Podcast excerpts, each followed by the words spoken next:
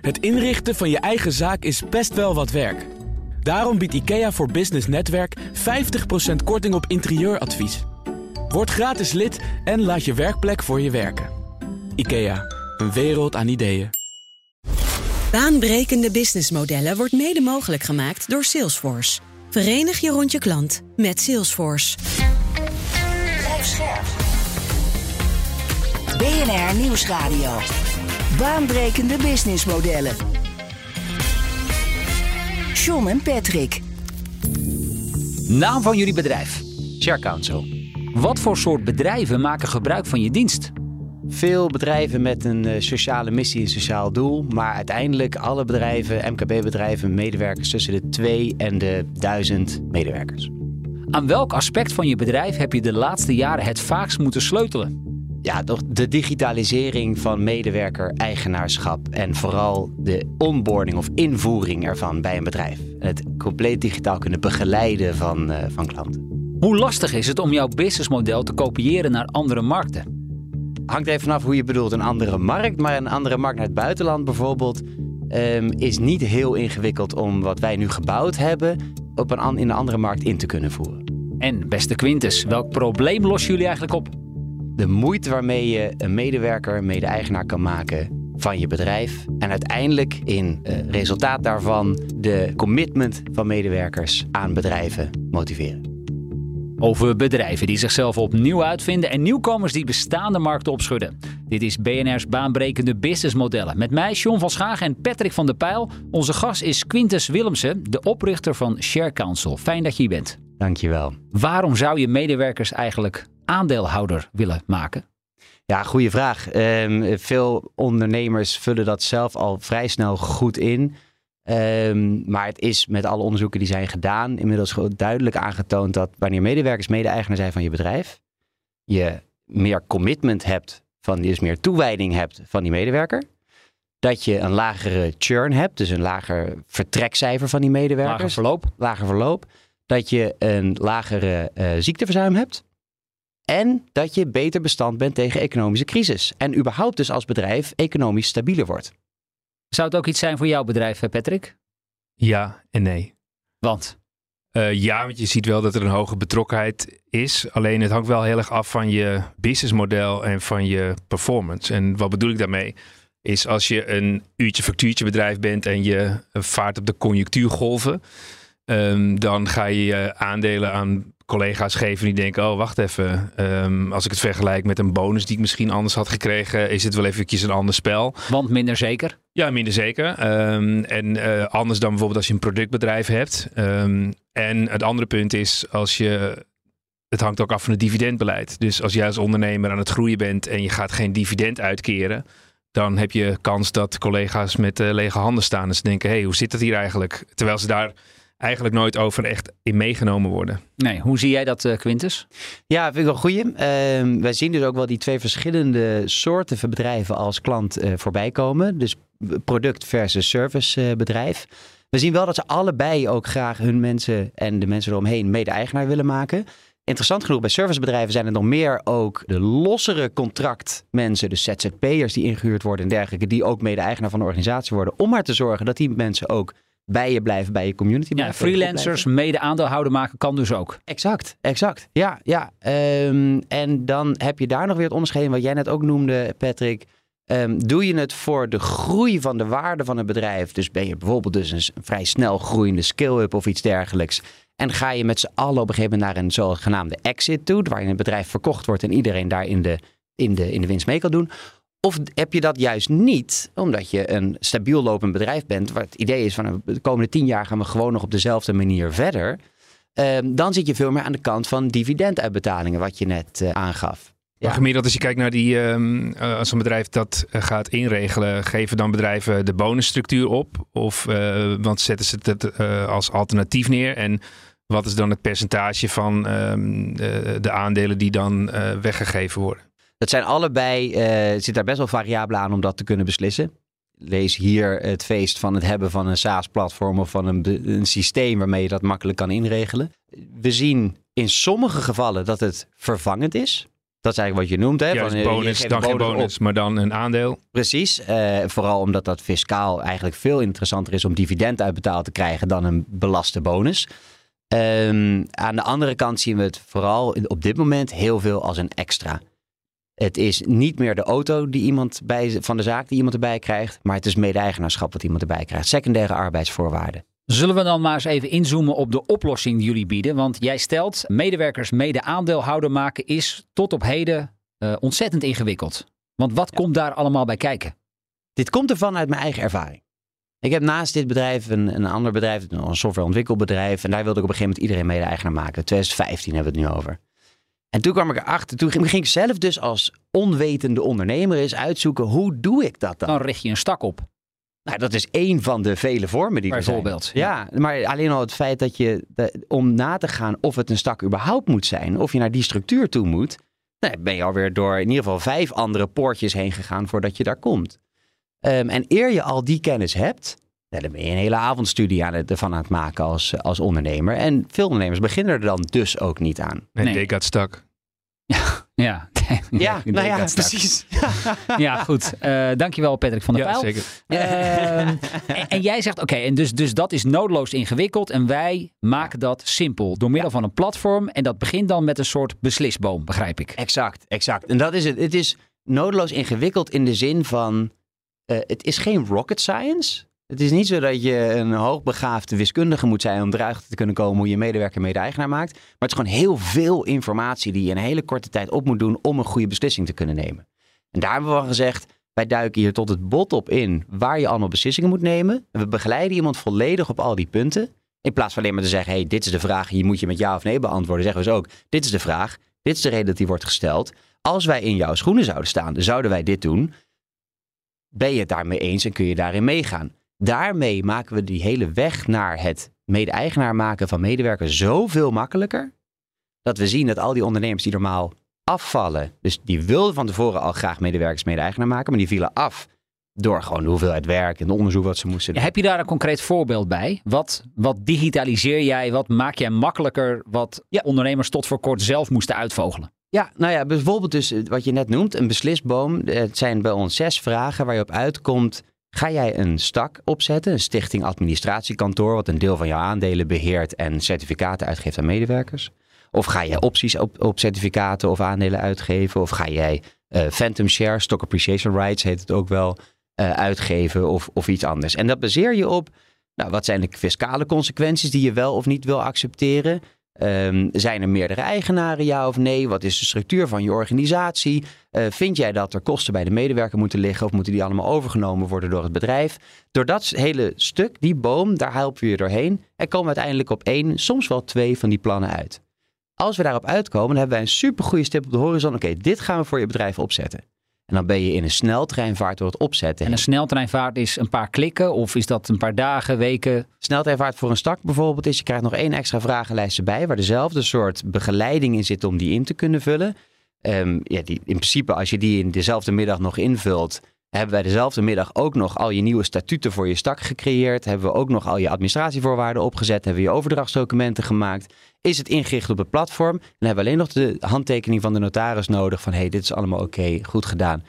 Runnen. Patrick, wat denk jij? Is dit een, eh, een duidelijk probleem dat in de markt gevoeld wordt? En de oplossing die Quintus hier schetst, vind je die ja, zinvol? Ja, het is wel een probleem, want ehm, als je ondernemers onderling spreekt, eh, dan wel in de kroeg of eh, bij een eh, evenement, dan tast je een beetje bij elkaar af van, hey, heb jij dit al een keer gedaan? Want eh, Ja. je hebt wel van een stak gehoord, Eh, je kan je ook wel iets bij voorstellen. Alleen waar je geen zin in hebt, is een hele papieren romslomwinkel. Want Exact. ga je dan eerst naar een jurist die dan jou voorhoudt wat het is. En wat dan vaak opvalt is, je krijgt dan al gelijk een rekening van 200, 300 euro per uur. En dan heb je aan tafel gezeten en dan weet je niet eens of iemand daar zijn specialisme van heeft gemaakt. eh, en dat dat advies uiteindelijk het juiste advies is. Nou, daarna moet je nog langs een notaris. Ehm, nou, wat Quintus net zegt, moet je ook al die papieren en die oprichtingsstatuten allemaal doen. Dat is echt wel drama. Dus eh, ja, ehm, daar ga je niet 1, 2, 3 aan beginnen. Je denkt wel beter na voordat je dat doet. Dus het probleem wat hij hier in feite oplost, dat is het wegnemen van gedoe. Dat, dat stellen we vast. Ja, maar ik denk daarmee ook, kijk, omdat het gedoe is en niet transparant is en niet één loket is waar een product staat en dat het dan daarna is opgelost, dan denk ik, ja, ik heb ook iets anders te doen, namelijk ondernemen. Dat is één. Ja. Het andere punt is dat je denkt, ja, wacht even, maar krijg ik dan het goede advies? En als ik iets met aandelen ga doen, is best wel ingewikkeld. Dus eh, kan ik dan de verantwoordelijkheid nemen dat het goed wordt geregeld bij mijn eh, collega werknemers met fiscale dingen? Dus ja, je maakt je daar ook wel zorgen om. En dat geheel, als het dan niet transparant is, durf je het ook niet heel snel aan. Toen wij deze aflevering aan het voorbereiden waren, toen maakte jij ook de vergelijking met een andere gast die wij een poosje geleden hadden, eh, Fixico. Fixico, ja. Ja, autoschademarkt. Ja, eigenlijk wat wel interessant is, is dat je eigenlijk wel zou kunnen zeggen dat je met eh, Share Council een soort digitalisatie van een probleem eh, hebt gedaan. Waar eigenlijk een notaris of een jurist niet aan toegekomen is of geen zin in had. Of geen belang bij had. En dat zag je bij Fixico ook. Die deed eigenlijk de hele digitalisatie van schadeafhandeling. Die al die individuele autobedrijven uiteindelijk nooit hadden opgepakt. Dus eigenlijk is dit een heel goed voorbeeld van. En nu we verder in die digitalisering zitten. Dat je zegt ja, doordat we digitaliseren, maken we die drempel dus ook veel lager. En daarmee ook misschien de mogelijkheid dat meer ondernemers dit dan wel aandurven. Het lijkt me wel een van de cruciale voorwaarden voor een hoge tractie van jouw platform, is dat het zo simpel mogelijk moet. En van simpel weten we, dat is moeilijk. dat was een stuk moeilijker dan ik had eh, gedacht van Ja. tevoren. Ik dacht in 2015, 2016, joh, ik maak even een blockchain platformpje wat een beetje eh, BV-aandeeltjes eh, makkelijk bij mensen kan brengen. Eh, en ik maak dat daarmee super eenvoudig. Nou, dat heeft me nog zes jaar gekost om daar echt de eenvoud in, eh, in te kunnen krijgen. En was dat met name het op de juiste manier inschatten van waar een bepaald document hoort of hoe die beslisboom eruit gaat zien? Want dat, ik kan me voorstellen onder de motorkap dat dat best ingenieus moet zijn. Ja, eh, en nou, wat het vooral is, is gewoon de hoeveelheid data die op je afkomt en de hoeveelheid mogelijkheden die er bestaan. Eh, het zal van niemand een, een, eh, een verrassing zijn dat hoe meer variabelen je hebt in de oplossing, hoe moeilijker het is om tot één oplossing te komen.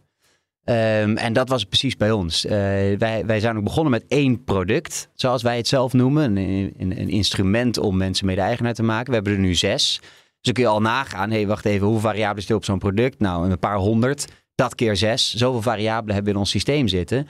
En om dan nog steeds met één druk op de knop iemand mede-eigenaar te kunnen maken, was best een uitdaging eh, om te doen. Ja. En eigenlijk kun je wel zien bij eh, Spotify destijds. eh, we hadden de cd's en uiteindelijk kwam Spotify voorbij. En die zeiden, als wij nou het luisteren van muziek breder mogelijk maken, dan verwachten wij dat die markt toeneemt. Nou, heel veel uitgevers uit die bestaande wereld zeiden dat is niet waar.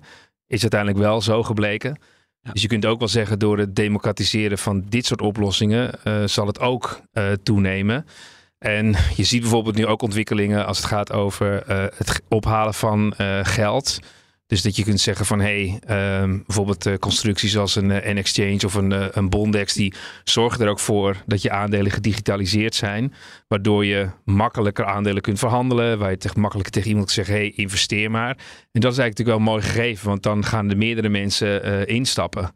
Dus eigenlijk dat stukje digitaliseren, want als ondernemer heb je een aandeelhoudersregister. Dat is een hele dikke map die je krijgt van een Papieren notaris. map, ja. En als je dan op een gegeven moment daar iets mee wil, eh, bijvoorbeeld een aandeelhouder komt erbij of er moet iets anders geregeld worden, dan denk je, waar lag die map? Maar je kan het je niet voorstellen, dat is allemaal nog steeds fysiek. Dus je moet met dat album naar de notaris en dan pas kunnen dingen geregeld worden. BNR Nieuwsradio. Baanbrekende businessmodellen.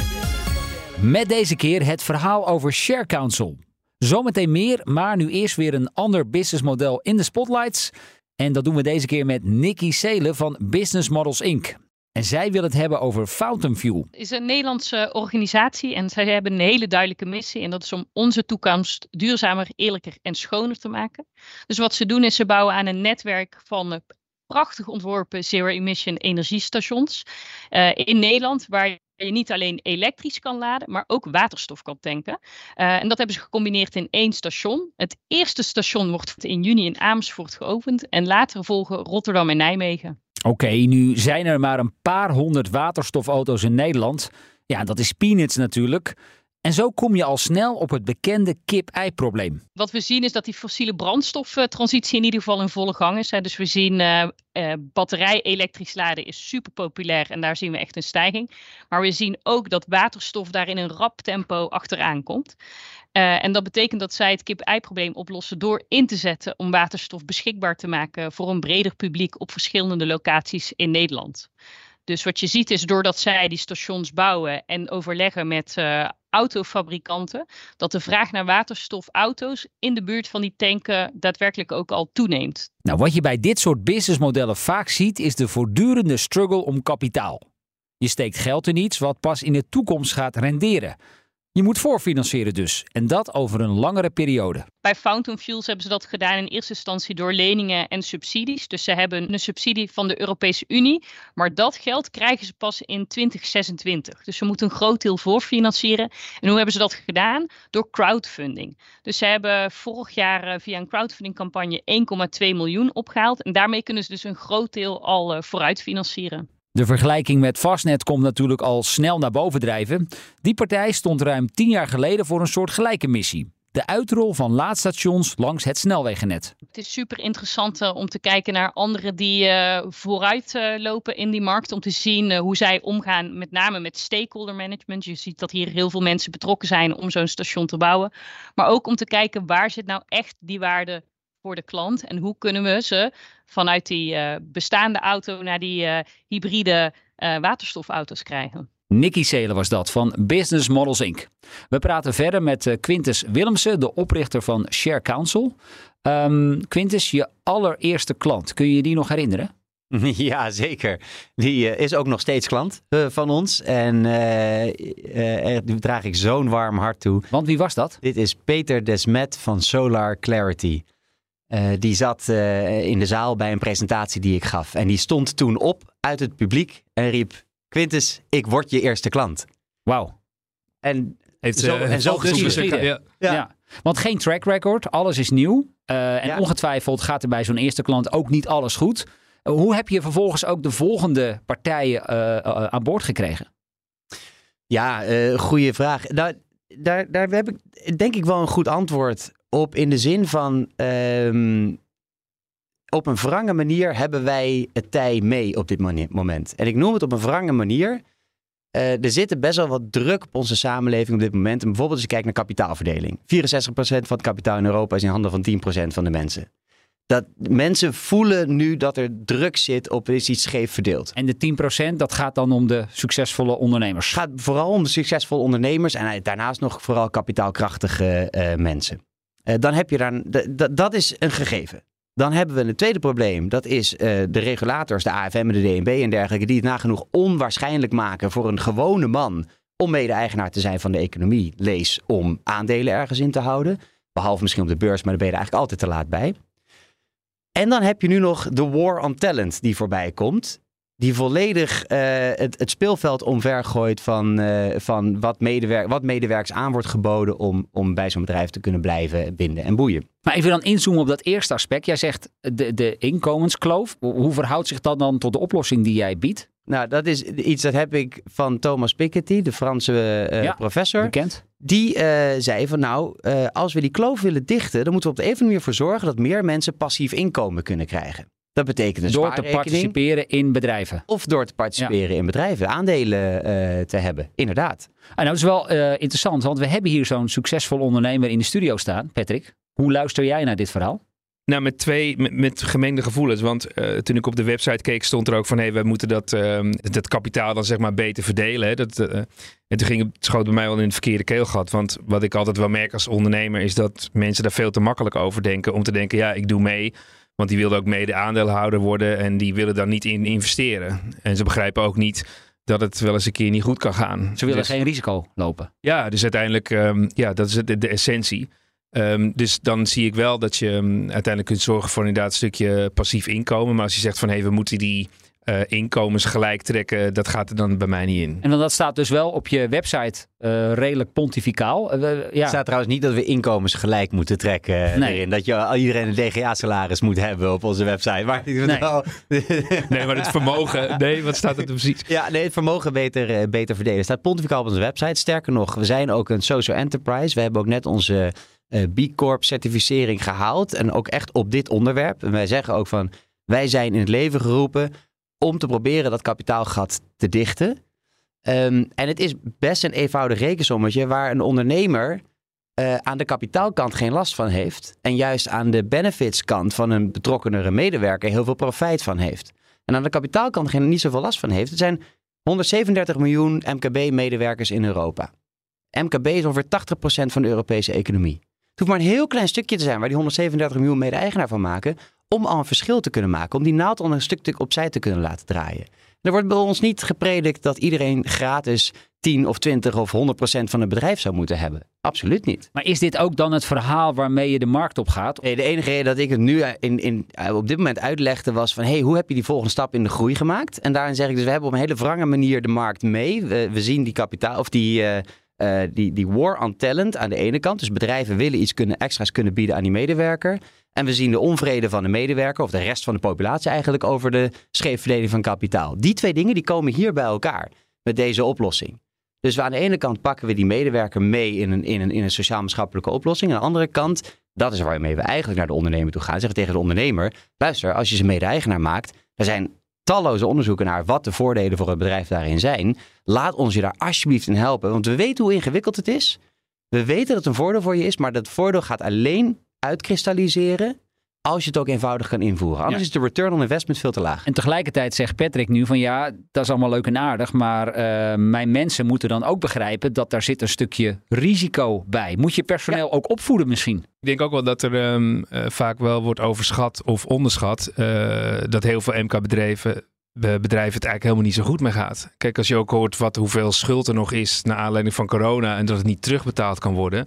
Dat is niet omdat die ondernemers dat niet willen. Die willen het dolgraag, maar gewoon domweg niet kunnen. Dus ik denk, er zit een stukje inderdaad opleiding om eh, ja, mensen daarvan over te informeren wat dat betekent dat zou ook wel een goed ding zijn, hè? omdat mensen dan ook beter gaan begrijpen van hé, hey, wat kan ik dan bijdragen om het bedrijf beter te laten draaien en er misschien een stukje verantwoordelijkheid ook in nemen. Even nog inzoomen op jouw verdienmodel. Daar hebben we het nog niet over gehad. Ehm, eh, ik zag op de website een aantal betalende klanten. Dat zijn eh, Bunk, eh, Tony Chocoloni, MyWheels, de Seaweed Company en ook Zeepje. Hoe rekenen zij af? Is dat een soort fixed fee of... Ja, je betaalt bij ons een, een jaarlijkse fee. En daarnaast betaal je bij ons voor onboarding. Waarbij begeleiden we je om, om die dingen dus allemaal op te zetten en om het voor elkaar te krijgen. Ja, en die, en die fee zeg je is jaarlijks. En wat, Ja. wat, wat doe jij daar dan voor? Daarvoor houden we sowieso bij wat er op dit moment op het platform draait natuurlijk. Daarvoor kun je op het platform al je medewerkers laten participeren. Zelfs naar elkaar stukken over laten maken als je zou willen. Daarbij worden automatisch alle jaarrapporten gegenereerd. Worden medewerkers ook begeleid. Precies op dat stukje opleiding waar we het net over, eh, over hadden. Eh, begeleid in de zin van, oké, maar wat betekent het nou om mede-eigenaar te zijn? En wat betekent het nou als je een certificaat hebt? Wat betekent als je een optie op iets hebt? En wanneer moet je dat uitvoeren? Ehm, veel bedrijven gebruiken vestingmodellen. Dat betekent een medewerker koopt zich in of krijgt een optie, maar moet dan wel de komende vier jaar bij het bedrijf blijven. En hoe langer je blijft, hoe meer het echt van jou is.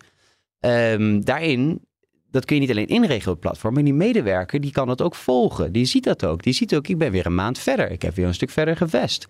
Dat is allem, zijn allemaal manieren om aan de ene kant het makkelijk te maken voor het bedrijf natuurlijk om dit in te richten. Om het overzichtelijk te houden voor die medewerker. Maar vooral ook om een hoge, letterlijk in het Engels dan gezegd, return on investment te hebben om die participatie op te zetten. Want, dat is als laatste, er is niks zo erg als een participatie opzetten. Het één keer tekenen bij het contract van die medewerker, van binnenkomst van die medewerker, dan op de plank leggen en over vijf jaar zien we wel weer. Dan had je het net zo goed niet kunnen doen. En dan gooi ik nog even één beer eh, op de weg.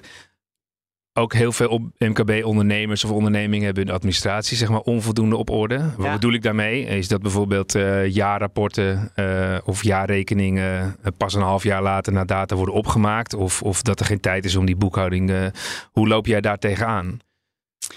Uh, tot nu toe nog heel weinig. En kennelijk zijn de bedrijven die ons vinden best wel goed opgevoed en goed georganiseerde uh, organisaties. Misschien ook wel de reden dat ze naar ons kijken. Omdat ze weten van tevoren, okay, ik wil een goed systeem hebben om dit mee te doen.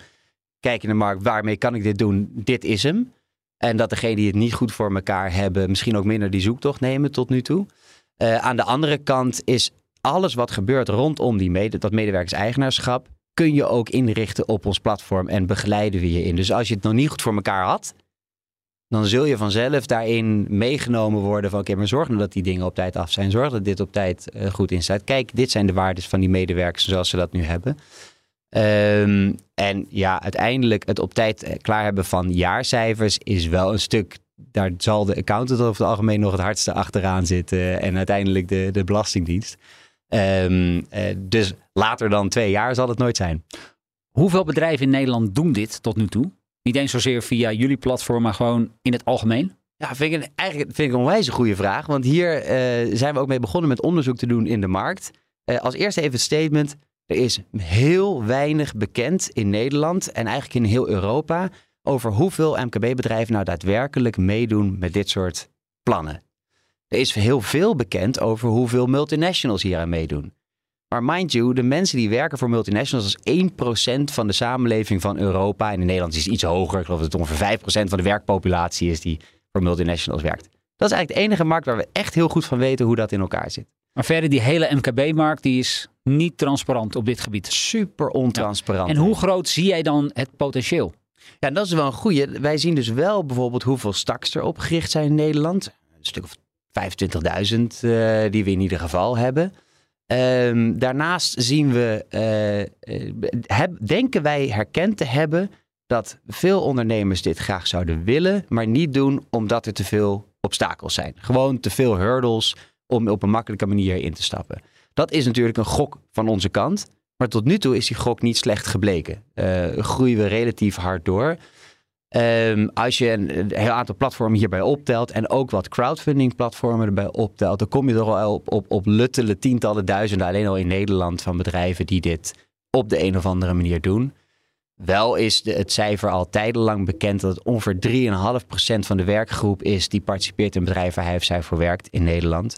Ten opzichte van ongeveer 35% in bijvoorbeeld in Amerika, wat een, hier enigszins een voorbeeldfunctie in, uh, in ja. heeft. Um, maar dit gaat dus over Nederland. Je noemt Amerika. Laten we eens even kijken naar andere markten in ja. Europa met name. Je zei helemaal aan het begin, um, ja, wat we nu hebben staan, dat is redelijk makkelijk te kopiëren naar andere landen. Ja. Kun je het morgen in, in Griekenland uitrollen bijvoorbeeld? Ja, zouden we kunnen doen. Absoluut. Um, wij uh, werken heel erg met lokale contracten. Uh, dus een, het gaat allemaal over overdrachtscontracten en, en, en, en aandelencontracten en dergelijke. Uh, we hebben een goed Europees netwerk om die contracten te sourcen, zoals dat dan, als dat dan heet. Um, en op ons systeem kun je heel erg um, bijna tailor-made die plannen inrichten. Van hoe lang moet iemand bij het bedrijf zijn? Hoe lang moet je erbij blijven om die stukken van jou te laten worden? Wat gebeurt er als je weggaat? Wat, dat zijn allemaal natuurlijk gewoon checks en balances die je aan en uit kan zetten. En hoe die overzichten komen. Dat is heel goed kopieerbaar. Dus het lastigste stuk is eigenlijk nog die lokale contracten. En wat is de beste manier om medewerker mede-eigenaar te maken? Ja. Daar doen we twee dingen in. We doen sowieso heel veel marktonderzoek daarnaar.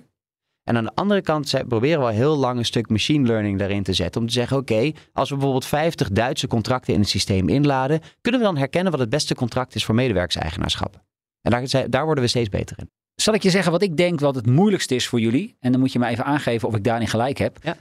Jij richt je met name op de MKB-markt. Uh, ja. Punt is, daar zijn er heel veel van. Verschillende bedrijfjes die misschien niet zozeer, nou ja, die het überhaupt het fenomeen medewerkersparticipatie nog niet kennen. Ja, die moet, ja, je bent een soort evangelist. We hebben een hele grote evangelistische rol. Absoluut. Dat, ja. Daar is niks over gelogen. Dat maar, weten we ook in ons businessmodel. Ja, en, en hoe, ga je dat, um, hoe ga je dat aanpakken? Want ga je zelf heel hard van de toren blazen? Uh, ga je dat spelen via de accountants die al de contacten hebben met die bedrijfjes?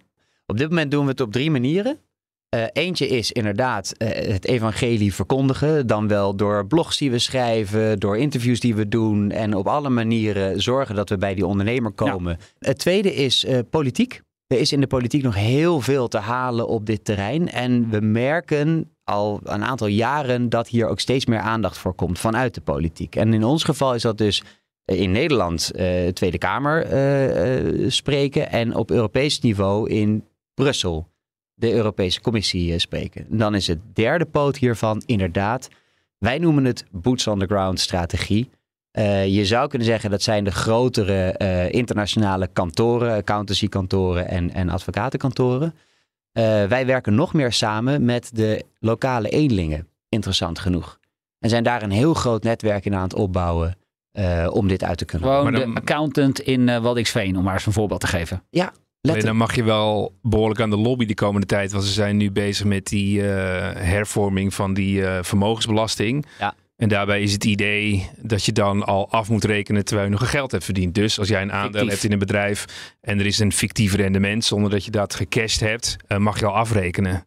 Dus dat is wel een lastige. Dat, dat is een lastige, alhoewel daar nu ook al allerlei oplossingen voor zijn. Dat is even. Uh, er is bijvoorbeeld in januari is er een nieuwe regeling ingetreden over opties. En uh, dat je die. Uh, die moest je altijd afrekenen zodra je ze uitvoert. Dus ik heb de mogelijkheid om een aandeel te kopen voor een tientje.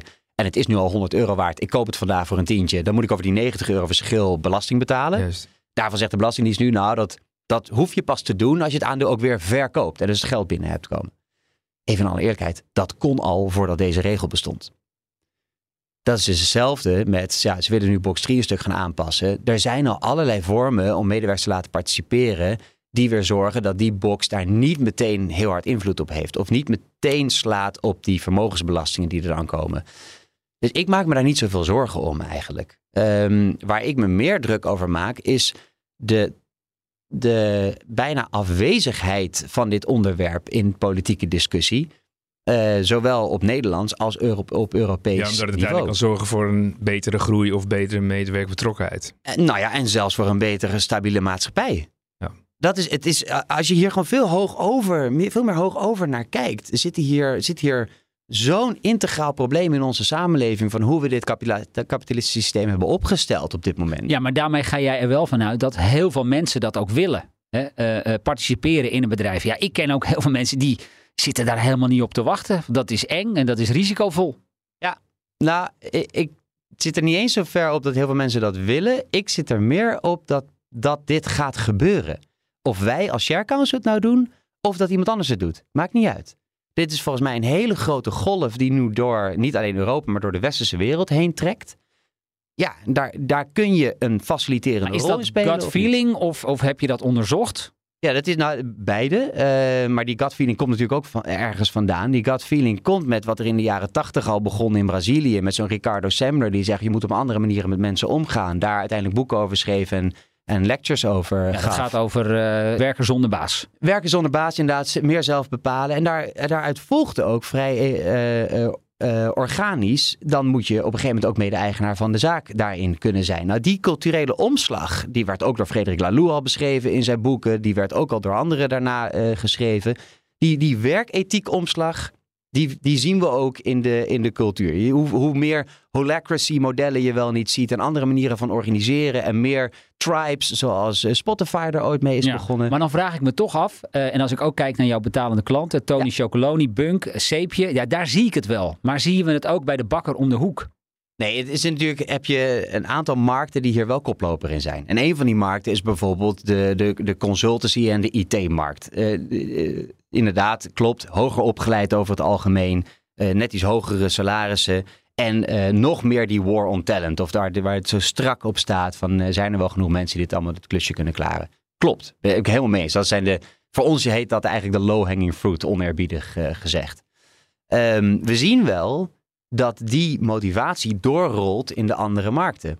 Want er zijn een heel aantal ondernemers die allemaal bij de Entrepreneur Organization zitten en één keer per maand met z'n achter bij elkaar komen en waar de ene dit aan de andere uitlegt. En dat is ook de ondernemer die een wat kleinere organisatie heeft in plaats van alleen maar die hele grote. We zien ook dat mijn allereerste klant is een van de grootste zonnepanelenhandelaren, groothandelaren in Nederland slash Europa. Ja, je wou boeren zeggen, hè? Ja, je wou boeren zeggen. Ja, ik zag het ook. maar even, om, om even een voorbeeld te geven. Dat is onze allereerste klant. Ja. Magazijnmedewerkers. Uh, uh, uh, lager opgeleide medewerkers. Ja. Het hele ja, bedrijf zit dus erbij. ook op dat vlak, ook in die markt. Ze zijn er al. Is er wel behoefte. Ja, en ik denk dat als je dus uh, laagdrempelig gemaakt. Dat mensen het beter gaan begrijpen. En dat er uiteindelijk ook een grotere markt voor is. Dat geloof ik ook wel. Patrick, tot slot dan nog even. Jij um, kende dit businessmodel nog niet. Zou het iets voor jouw bedrijf kunnen zijn? Ben je er op een andere manier naar gaan kijken? Nou, waar we wel naar kijken is um, om. Um, kijk, wij zien steeds meer dat die cycli om ook bedrijven te laten groeien uh, steeds korter wordt. Hè. Dus moet je veel sneller op kunnen reageren. Daardoor zie je ook dat we steeds meer participeren in bedrijven eh, te helpen groeien. Um, en daarmee zie je dat je dat soort aandelenregisters gewoon kunt digitaliseren met een blockchain, uh, for sure. En uiteindelijk dat je daar ook medewerkers in kunt betrekken, ook. Dus um, van die hoek zag ik hem al wel aankomen. Alleen ik was nog niet bekend met Share Council. Uh, dus dat is inderdaad wel um, een mooie oplossing. Op manier dus om uh, al dat gedoe weg te nemen als je, een, als je van je medewerker een mede-aandeelhouder wil maken. Quintus Willemsen, bedachtend van Share Council. Dankjewel voor jouw komst naar de studio. En Patrick en ik zijn er uiteraard volgende week weer. Nou, wil je voor die tijd al meer luisteren? Check dan ook onze andere afleveringen die je vindt op vrijwel alle bekende podcastkanalen. Tot volgende week. Baanbrekende businessmodellen wordt mede mogelijk gemaakt door Salesforce. Verenig je rond je klant met Salesforce. Als ondernemer hoef je niet te besparen op je werkplek. Want IKEA voor Business Netwerk biedt korting op verschillende IKEA-producten. Word gratis lid en laat je werkplek voor je werken. IKEA, een wereld aan ideeën.